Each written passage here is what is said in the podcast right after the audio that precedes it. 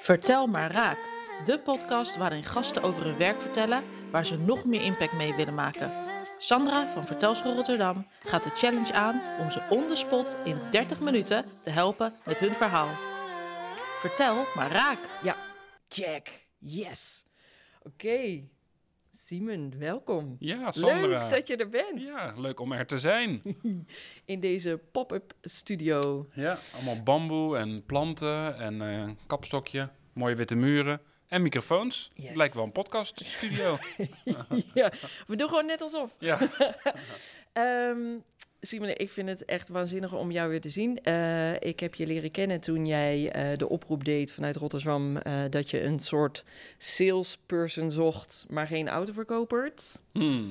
ja. En uiteindelijk uit die duizenden inzendingen werd ik het. ja, dat was een hele bijzondere procedure ook toen, hè? Ja, was heel leuk. Moest je verhaaltjes gaan schrijven, geloof ik, en zo. En een opdracht uitvoeren en met een groepje mensen. Precies. Ik moest een video insturen met een idee.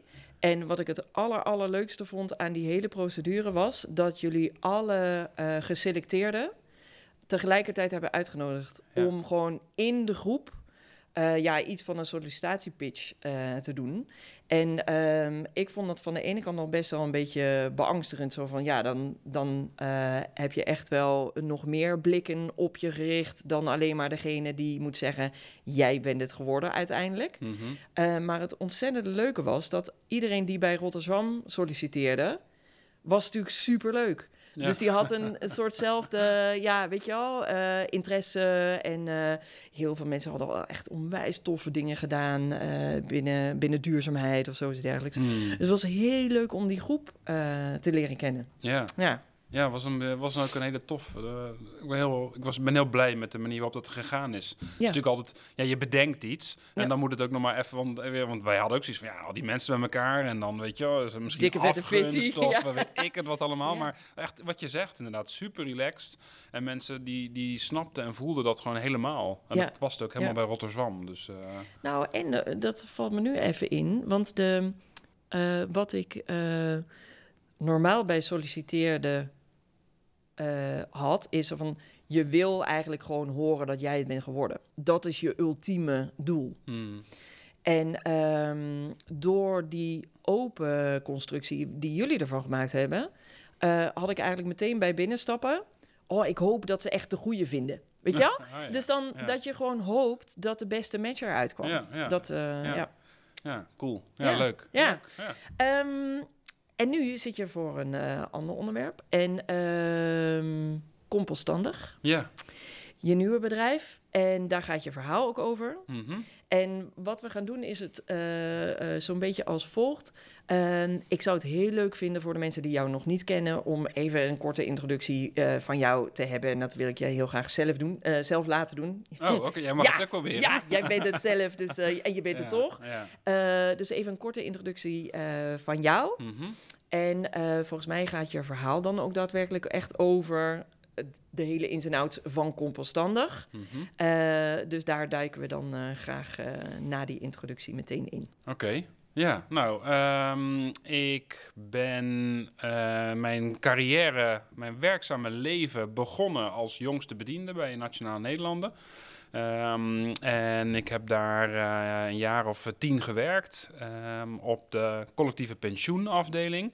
Hoppa. Ja, eh, lachen man. Eh, weet je wel, eh, eh, allemaal statistische dingetjes en zo. Maar goed, op het, het was eigenlijk vooral administratief eh, verwerking.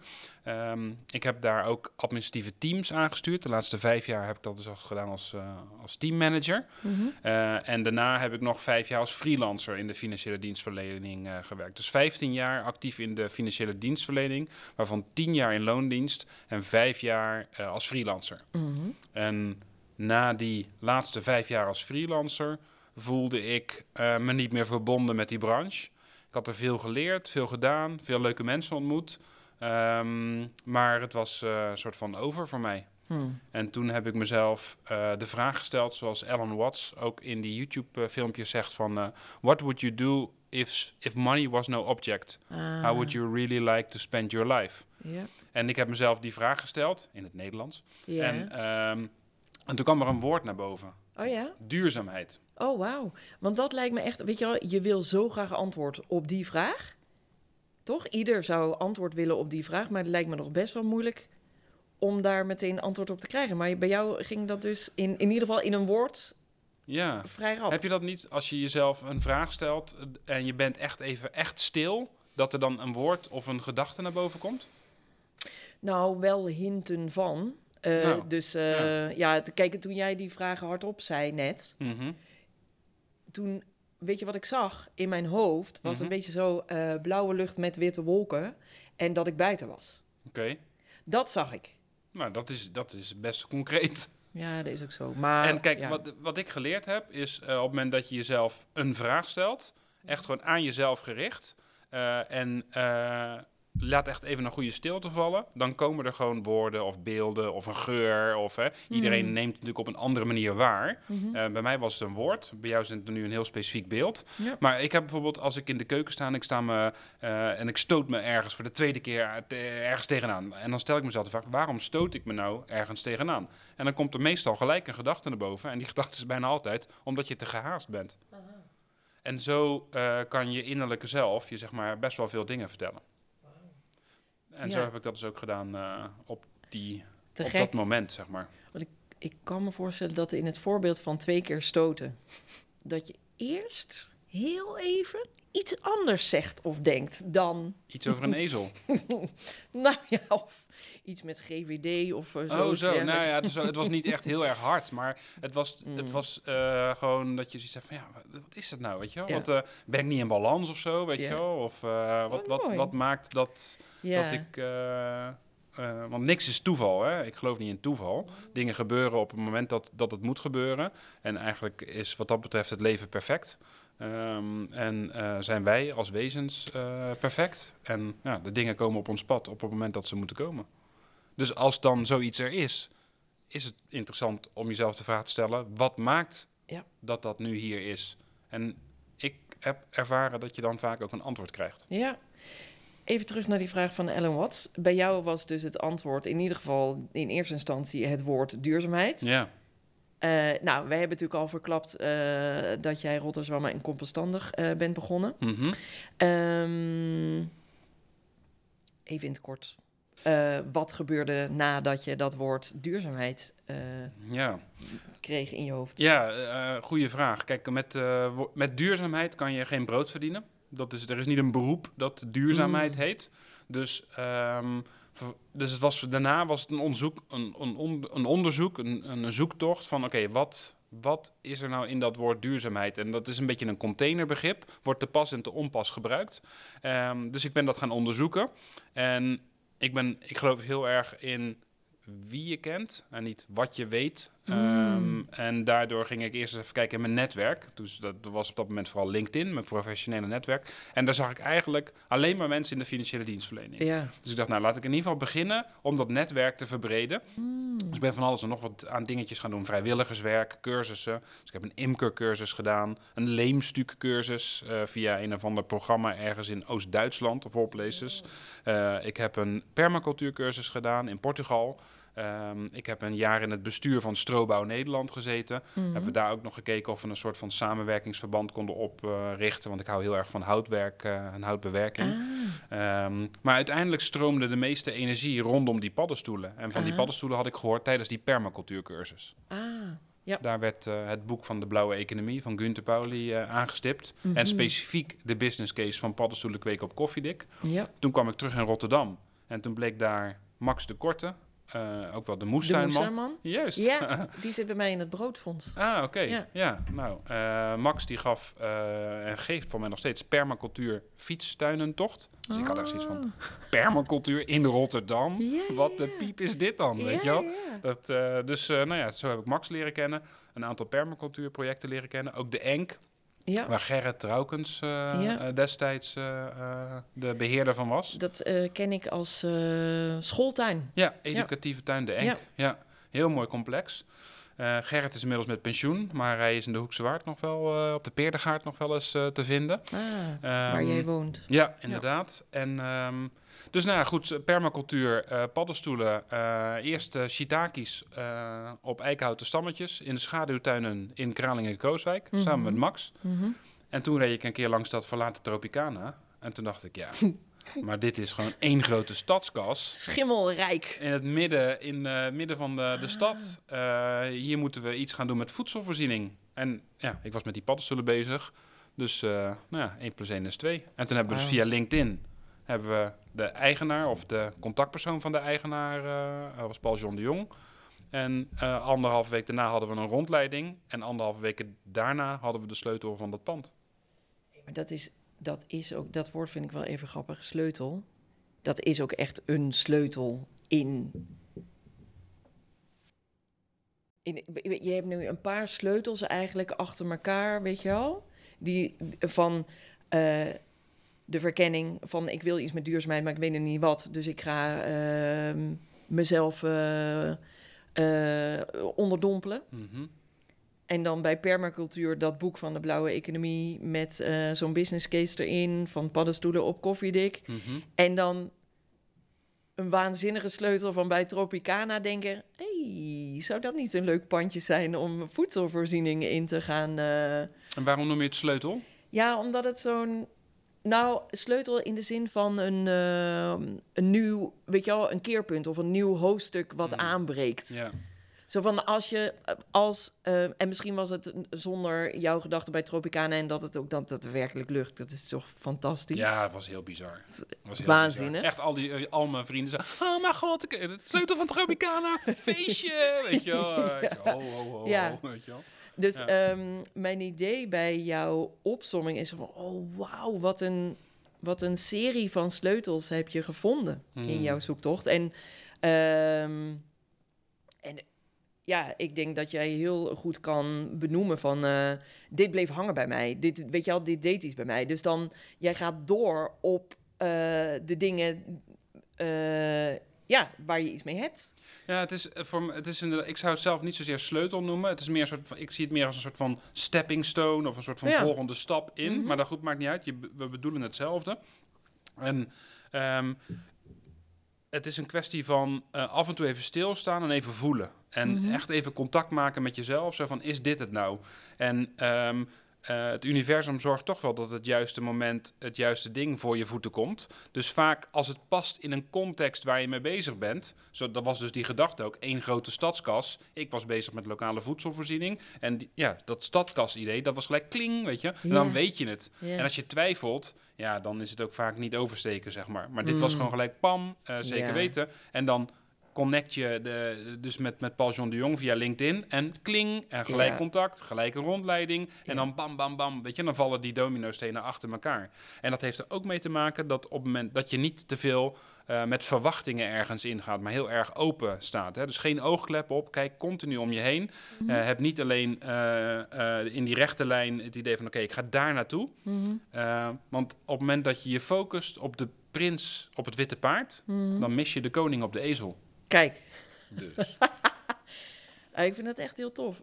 Ja, om meerdere redenen. Maar bijvoorbeeld zo van dat, die, die puzzel die jij zo in, in, in elkaar voelt grijpen.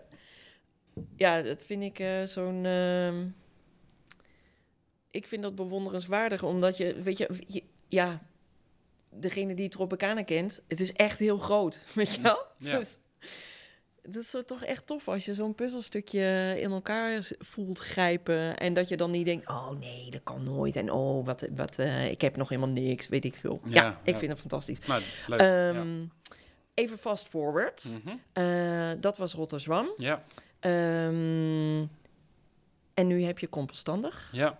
En ondertussen ook nog Blue City, hè? En maar dat- goed, daar, ben ik, ja. daar zie ik mezelf als initiatiefnemer van, zeg maar. ja. Want eh team eh, met Sabine en eh, Sabine Biesheuvel, Wouter Veer en al die andere mensen die daarbij betrokken zijn, Mhm. die, die trekken echt die car. Ik ben op afstand betrokken als aandeelhouder. ah ja, Maar dat hebben Mark en ik wel geïnitieerd, zeg maar. precies. Ja. En Blue City is... Blue City is een ecosysteem van ondernemers die zoveel mogelijk op elkaars reststromen aansluiten. En het hele ecosysteem heeft als doel ook de circulaire economie aan te zwengelen, Ja, te slingeren. en dat heeft nu dus allemaal plek in Tropicana, waar Ja. jij eh, begonnen bent met Ja. de paddenstoelen. Ja, ja, inderdaad. Ja, samen met nog een paar anderen. Eh Okke van Beugen van Okkehout zat er ook in. Aloha Bar was toen ook net eh, aan het rondkijken daar. Eh, dus dat waren zo'n beetje de eerste bewoners samen met Ah. Ja. Rotterdam. Daar ben je tegelijkertijd, ongeveer tegelijkertijd Ik denk mee, dat Okke één maand eerder was, heeft hij wel eens Ah. gezegd. Ja, ja, ja. Oh, dat, dat noemt hij af en toe even. Nou, we hebben het er wel eens over, over de geschiedenis, weet je wel. Dus, eh. Maar het is wel leuk, want eh, ja, we doen, ik doe nog steeds zaken af en toe eh, met Okke. Dus nu weer via Vet en Lazy en Compostandig dan. Dus het is leuk hoe Ah, ja. ondernemers elkaar Ja. op de een of andere manier altijd wel weer weten te vinden. Leuk. Vette lazy de biertjes. Ja. ja. Oké, ehm, jij komt met een verhaal over compostandig. Mhm. En ehm, wat je me schreef, hè, want ik heb jou wat eh, voorbereidende vragen gestuurd van waar wil je het over hebben? En jij schreef, ehm, ik wil graag de why, how, what vertellen. Ja, alleen die heb ik niet helemaal uit mijn hoofd geleerd. dus eh, ik, ik wil daar een soort van aftreksel eh, van waar, waar het uiteindelijk op neerkomt, zeg Ja. maar. eh, Ja. Maar de why, how, what heb ik niet goed, niet zo... Ik heb alleen het eerste deel, zeg maar. Ik heb alleen de, de why heb ik Mhm. in mijn hoofd zitten. En die Mhm. how en die what, die gebruik ik wat minder vaak. Oké, Behalve dan textueel op de website. oké. Dan, dan nog heel even terug naar diezelfde vraag van ehm, wat voor verhaal wil je vertellen? Ehm, nou, ik wil wel vertellen wat, eh, wat de kansen zijn voor een eh, organisch bedrijfsafval. En eh, de uitdaging die we hebben als maatschappij om afval niet meer te laten reizen. Oké. Ehm, en binnen jouw verhaal, of als dat toch niet binnen het verhaal is, dan kom ik daar nog op terug. Mhm. Ehm, van wat je doel is ehm, met het vertellen van dat verhaal. En eh, dat doel is natuurlijk altijd gekoppeld aan, aan wie wil je het dus vertellen. Dus daar zou ik toch wel mee willen beginnen. Van aan wie zou je graag dit verhaal willen vertellen? Eh, bedrijven en organisaties die eh, organisch restafval hebben, of organisch bedrijfsafval hebben. En voor mensen die denken, oeh, zou ik dat ook zijn? Waar denken we dan aan? Wat is eh, organisch bedrijfsafval en hoeveel moet je daarvan hebben om die doelgroep te zijn? Ja, dan moet je wel, eh, ik denk wel minimaal eh, een kliko van 140 liter per maand vullen, zeg maar. Een kliko is 140 liter? Nou, die, dat heb maar je, één- die heb je in verschillende maten. die Oh, gaan zo. van, dat van is een 40 grote kliko. Die gaan van 140 naar 1100 liter, bij wijze van spreken. Ah. Dus Ja. Dat is een redelijk grote kliko, zeg maar. Ja. en organisch afval is eh groente, fruit, snijafval. Groente, fruit en eh, etensresten. Het wordt ook nog wel eens swil genoemd in de volksmond. Of Ah. eh, eigenlijk niet in de volksmond, maar in het wetgevingstechnische gebeuren. Swill. Swill, dus dat is een beetje de natte fractie die uit keukens komt. De notte fractie. Ja, dat, dat klinkt lekker, toch? thee, Ja, Ja, met toch? de natte thee inderdaad. Een natte fractie. Natte fractie, minimaal 140 liter per maand. Ja, wat er uit de keuken komt. ja. Of uit het bedrijfsproces. Hè? Dus eh, eh, we zijn bijvoorbeeld in contact, eh, we hebben laatst het, eh, het composteerpotentieel van een eh, kruidenboer. Eh, die heeft eh, Mm. vanuit het primaire proces kruidenresten. We gaan binnenkort dus met Vet en Lazy doen eh, bij Olympic Fruit eh, afgekeurde mandarijnen. Die om kwaliteitsredenen zijn Mm. afgekeurd. Eh, daar gaat Vet en Lazy een biertje van brouwen. En wij composteren het pulp. Ja. Ehm, ja, zo, zijn er heel veel verschillende reststromen, zeg maar. Ja. Eh, bijvoorbeeld, eh, we zijn nu ook in contact met een bedrijf in Strijen. Die maken stoofpeertjes. En eh, ja, die hebben dus heel veel perenpulp over. Ja. Nou, dat heeft ook een vrij hoog composteerpotentieel. Dus zo zijn we dat aan het bekijken voor bedrijven. Bloemen, bloe- de, de bloemenveiling Alsmeer? Ja, bloemenveiling. Ja, zeker. Daar hebben we ook eh, laatst gesproken met een eh rozenkweker of een eh, bloemist. Bloemist die veel met rozen doen. Mhm. En ja, die zijn ook aan het kijken van wat is het composteerpotentieel van ons snijafval. Want die betalen 500, 600 euro per maand voor het aan het afvoeren van al dat materiaal. Maar ja, dan heb je een composteermachine toch echt wel snel terugverdiend. Wauw. Echt minder dan vijf jaar. Oké, volgens mij zijn we er helemaal klaar voor. Oké. Vertel, wat is eh compostandig? Wat is compostandig? Nou, bij compostandig eh, ontwikkelen en bouwen wij de nieuwe generatie energiezuinige compostmachines.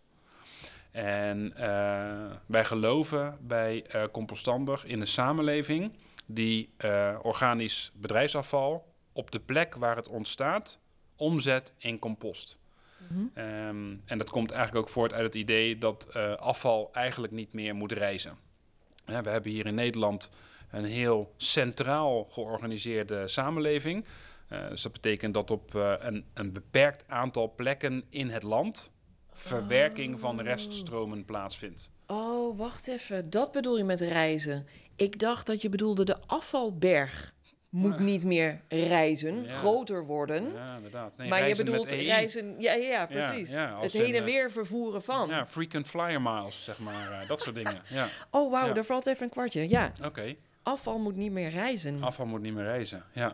Dus um, omdat die samenleving dus zo centraal georganiseerd is, mm -hmm. ja, zijn we dus heel veel uh, materiaal uh, over, door het hele land aan het slepen. En dat zie je eigenlijk op heel veel vlakken gebeuren. Hè. Heel veel vlakken in onze samenleving, ook op, weer, op de, deze aardkloot, zijn we uh, meuk van A naar B aan het vervoeren. Mm -hmm. Waarvan uh, een hoop uh, te begrijpen is, maar nog meer misschien wel onnodig is. Mm -hmm. Ik heb ooit een keer uh, een documentaire gezien, een paar maanden geleden, over, ik weet niet meer hoe het precies heet, iets localization of iets dergelijks, over localize.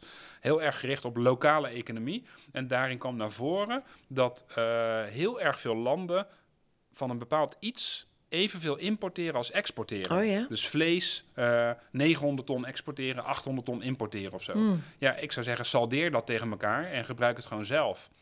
Ik vind altijd het bizarre voorbeeld dat ik een keer op de radio hoorde. Zuid-Korea importeert geen kippen meer vanuit Nederland in verband met de vogelgriep. Mm -hmm. En dan denk ik, why the fuck importeert Zuid-Korea überhaupt kippen vanuit Nederland? Weet je wel, wat, ja. wat is dat uh, voor iets? Kunnen ze ja. nou echt niet zelf kippen kweken daar zo? Mm. Hoe, kan je nou, hoe kan het economisch rendabel zijn, nog even los van de impact op het milieu, om bevroren kippen uh, naar Zuid-Korea te vliegen, weet je wel? Why? Waarom? Te vliegen ook, ja. Ja, en er is ook, heeft ooit een keer een artikel in de Volkskrant geschreven, uh, gestaan, uh, geschreven door Timo Nijssen, um, over dat er in het kruidvat of de trekpleister flesjes water liggen die uit Hongkong komen. En die flesjes zijn hier goedkoper dan in Hongkong. Weet je wel? Dat is gewoon absurd. Het slaat ja. echt nergens op. Ja. Goed, dat zijn de extreme voorbeelden. Mm -hmm. We hebben mm -hmm. natuurlijk gezien dat met, uh, met de blokkade van het Suezkanaal... door, de, door dat tankerschip, de Ever Given... Ja. is heel duidelijk geworden hoe dat hele globale systeem... van uh, alles van hot naar her slepen... en hoe gevoelig dat is voor onderbrekingen en interrupties. Mm -hmm. Maar ja, weet je wel... Een ananas kunnen wij hier niet kweken. Dus laten we die van ver halen. En hetzelfde met uh, vijgen of iets dergelijks. Maar een aardappel, ja, die moet niet uit Chili komen. Mm. En een fles wijn ook niet uit Nieuw-Zeeland, want die kunnen we in Europa gewoon prima maken. Mm. Dus wat lokaal uh, gekweekt, gegroeid, gemaakt kan worden, moet je lokaal halen. -hmm. Wat niet kan, haal je van ver. En dat een specialistisch product als een iPhone nou van ver komt, zwa. Ja. En afval, ja, dat moet gewoon echt ter plaatse verwerkt worden. Uh, en daar zijn al zoveel mogelijkheden voor. Um, dat dat, dat uh, zeker op het gebied van organisch afval is composteren daar uh, ideaal voor. Ja. En uh, kunnen we er een beetje induiken? Want jouw doel is om in contact te komen met die bedrijven en de organisaties die dat organisch afval hebben. Mm -hmm. um, nou, je zei al over die uh, snijbloemenafval, uh, dat daar dus uh, geld voor betaald moet worden om het af te voeren. Dus ik kan me voorstellen met de vraag van what's in it for me? Waarom zou ik als bedrijf of organisatie kiezen voor een composteermachine ja. in plaats van het op te laten halen, bijvoorbeeld? Ja. Hè? Dat is toch het alternatief ja. over het algemeen. Ja, klopt. what's in it for me? Dus je, je, je reduceert je afvalkosten. Ja, ja, we hebben bijvoorbeeld recent een machine verkocht aan een camping in uh, Zeeland. Ons Buiten heet die. En uh, daar um, staat een perscontainer om het restafval uh, te persen. En dat kost ergens tussen de 9.000 en 12.000 euro per jaar om de inhoud daarvan af te voeren.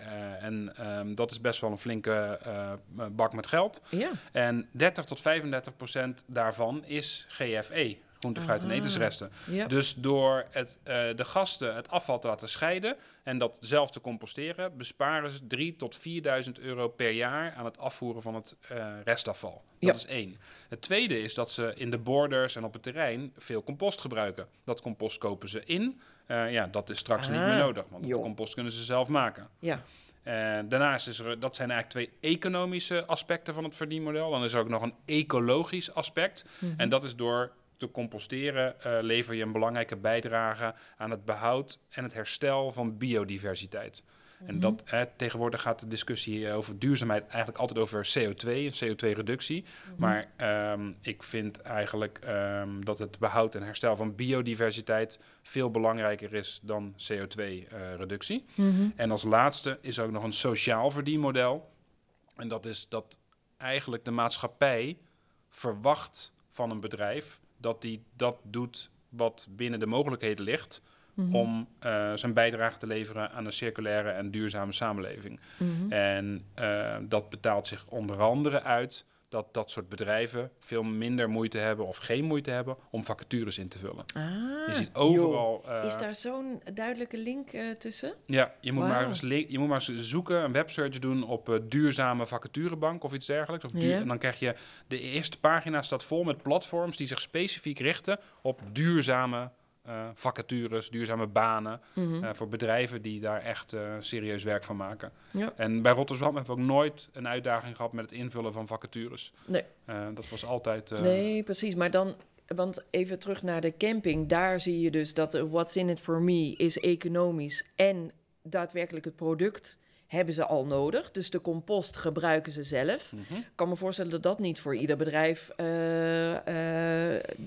geldt. Ja, klopt. Ehm ehm, dus even naar de bedrijven die dan wel dat afval hebben en die economische voordelen kunnen eh cashen, zeg maar. Mhm. Ehm, wat is in het voor them dat zij compost hebben gemaakt? Ja, hele goede vraag. Ehm, dat, eh, die compost, hè, compost levert een belangrijke bijdrage aan het behoud en het herstel van biodiversiteit. Omdat er in een, ja, een theelepel eh, compost zitten bizar veel eh, micro-organismen. Ik heb de aantallen even niet paraat, maar eh, eh, die zijn ook heel goed online te vinden of in boeken. Ehm, en wat, je, wat die bedrijven kunnen doen, is een koppeling maken met CSA-initiatieven, dus Community Supported Agriculture. Dat zijn vaak kleinschalige initiatieven waarbij je een soort van groenteabonnement neemt. Ehm, eh, die, die, die, die, daar is ook een, een website van, csnetwerk.nl. Ehm, en daar kunnen we een koppeling mee maken met, want die hebben elk jaar 20, 30, 40 kub compost nodig, afhankelijk van de omvang van de grond. En dus dan kunnen ze gewoon verkopen per big bag. Ja, joh. Dus, er kan, dus dan is het een inkomensstroompje. Ja, precies. En dan is het zo, eh, ik vind dat zo'n leuke, eh, zo'n eh, pay it forward. Dus dat je het niet per se één op één in je eigen eh, cirkeltje gebruikt, maar dat je het dus inderdaad door kan geven. De, de baten eigenlijk in de, in de vorm van eh, heel voedselrijk eh, compost. Nee, eh, sorry, voedingsrijk. ja, Eh, dat je dat dus niet per se in je eigen token gebruikt, maar dat je dat juist weer ergens anders aan kan ja, ja. En als er eh, bijvoorbeeld doorgeven. Ja. Ja, en als er bijvoorbeeld regeneratieve akkerbouw in de buurt zit, hè, zoals de Caring Farmers dat heel erg hoog in het vaandel hebben zitten. Lenteland heeft dat heel erg hoog in het vaandel zitten. Er zijn er meer van dat soort eh, eh, initiatieven. Ja, daar kan je ook een koppeling mee maken. Hè, want de akkerbouwers die zitten ook eh, eh, te schreeuwen om organische stof. En dan schone Oh. organische stof. Dus niet vervuild met plastic. Nou, dat is heel goed te realiseren uit zo'n machine. Maar die zou het ook zelf weer kunnen Die zou eventueel met hun ook- eigen Ja, met, met hun eigen Ja. gewasresten. Dus die kunnen de Gewasresten. omzetten naar compost. En het interessante daarvan is, is dat in eh, compost zit stabiele organische stof en in gewasresten veel minder. Ah, Eh, dus, dus dan moeten ze verteert een snel. toevoeging hebben. Ja, dus dan is... eh, Fantastisch. Nou, dan, eh, want ik zie de klok wegtikken. En ik heb nu al eh, twee keer, zeg maar, niet de challenge gehaald om binnen 30 minuten te helpen met een Oh, verhaal. Maar ik maar- hoop dat ik hier met mijn doorvragen, zeg maar, hier en daar toch wat heb kunnen, kunnen helpen. ja, nee, zeker. Dat, kijk, dat reizen, dat, is natuurlijk, dat helpt. eh, en zo'n gesprek helpt altijd om dingen scherp te krijgen. Hè? Dus jou, het- de dingen die jij doorvraagt, Oh, ja, dat, zit ik voor mij al, dat is voor mij al gesneden koek, zeg maar. Ja, precies. Dus- En eh, je moet even... Huh? Oh, sorry, ik stoot er ergens tegenaan.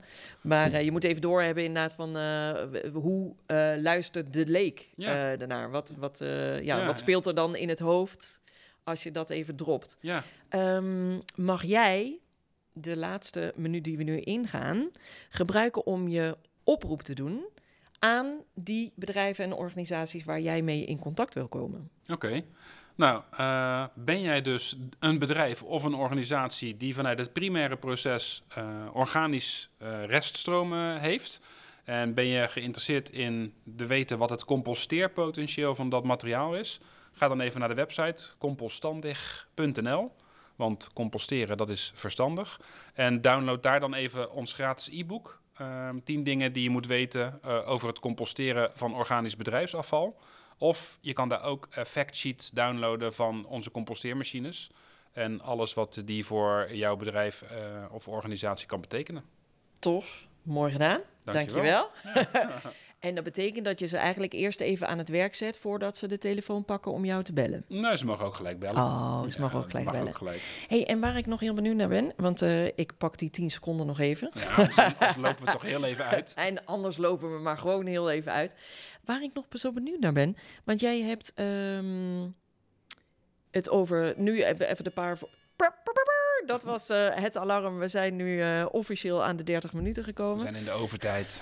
ja. We hebben blessures opgelopen, toch? Ja, Onderweg. Ja, ja. van. Oh, au, au, au, au. Ja, vijf minuten erbij. Vijf minuten erbij. Bedankt, scheid. um, de, de voorbeelden uh, die je nu even hebt gegeven, die zijn uit Nederland. maar ik kan me voorstellen dat de, de, de, het potentieel over de landsgrenzen heen reikt. Ben jij ook over de landsgrenzen heen aan het kijken of uh, ja. hoe zie je dat? Ja, zeker.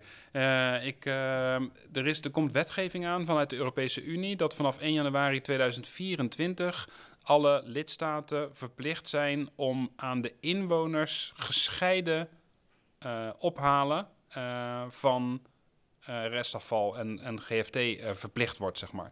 Dus alle gemeentes moeten aan de inwoners aanbieden dat die hun afval gescheiden kunnen uh, inleveren. Mm -hmm. En dat is in, uh, in West-Europa redelijk goed geregeld. In mm -hmm. Zuid-Europa overigens beter dan in Noord-Europa. Mm. Uh, in Milaan is het vervuiling met restafval uh, iets van 15%, terwijl dat in Nederland wel rond de 20, 25% ligt. Um, dus ik ben in contact met een bedrijf uit Italië die um, zijn aan het kijken van kunnen we nou niet in Oost-Europa uh, aan de slag om daar composteermachines aan te bieden aan gemeentes. Ja. Zodat er daar uh, ook uh, um, ja, beter... Want daar gaat de bulk ook nog gewoon op de ouderwetse storthoop. En uh, ja, dat geeft ook heel veel problemen met broeikasgassen en zo allemaal. Mm. vervuiling en het lekken van die... Dat lekt allemaal. En, dus die storthoop ah. is echt niet, ook niet ideaal. Dus de storthoop is niet een mooie composthoop... En nee. nog beter zou het dan in de, in de machine. Ja, dat zou je dus ja. echt uh, ook gewoon ideaal lokaal kunnen composteren. Dus we zijn ook aan het kijken naar de rest van Europa. Ja,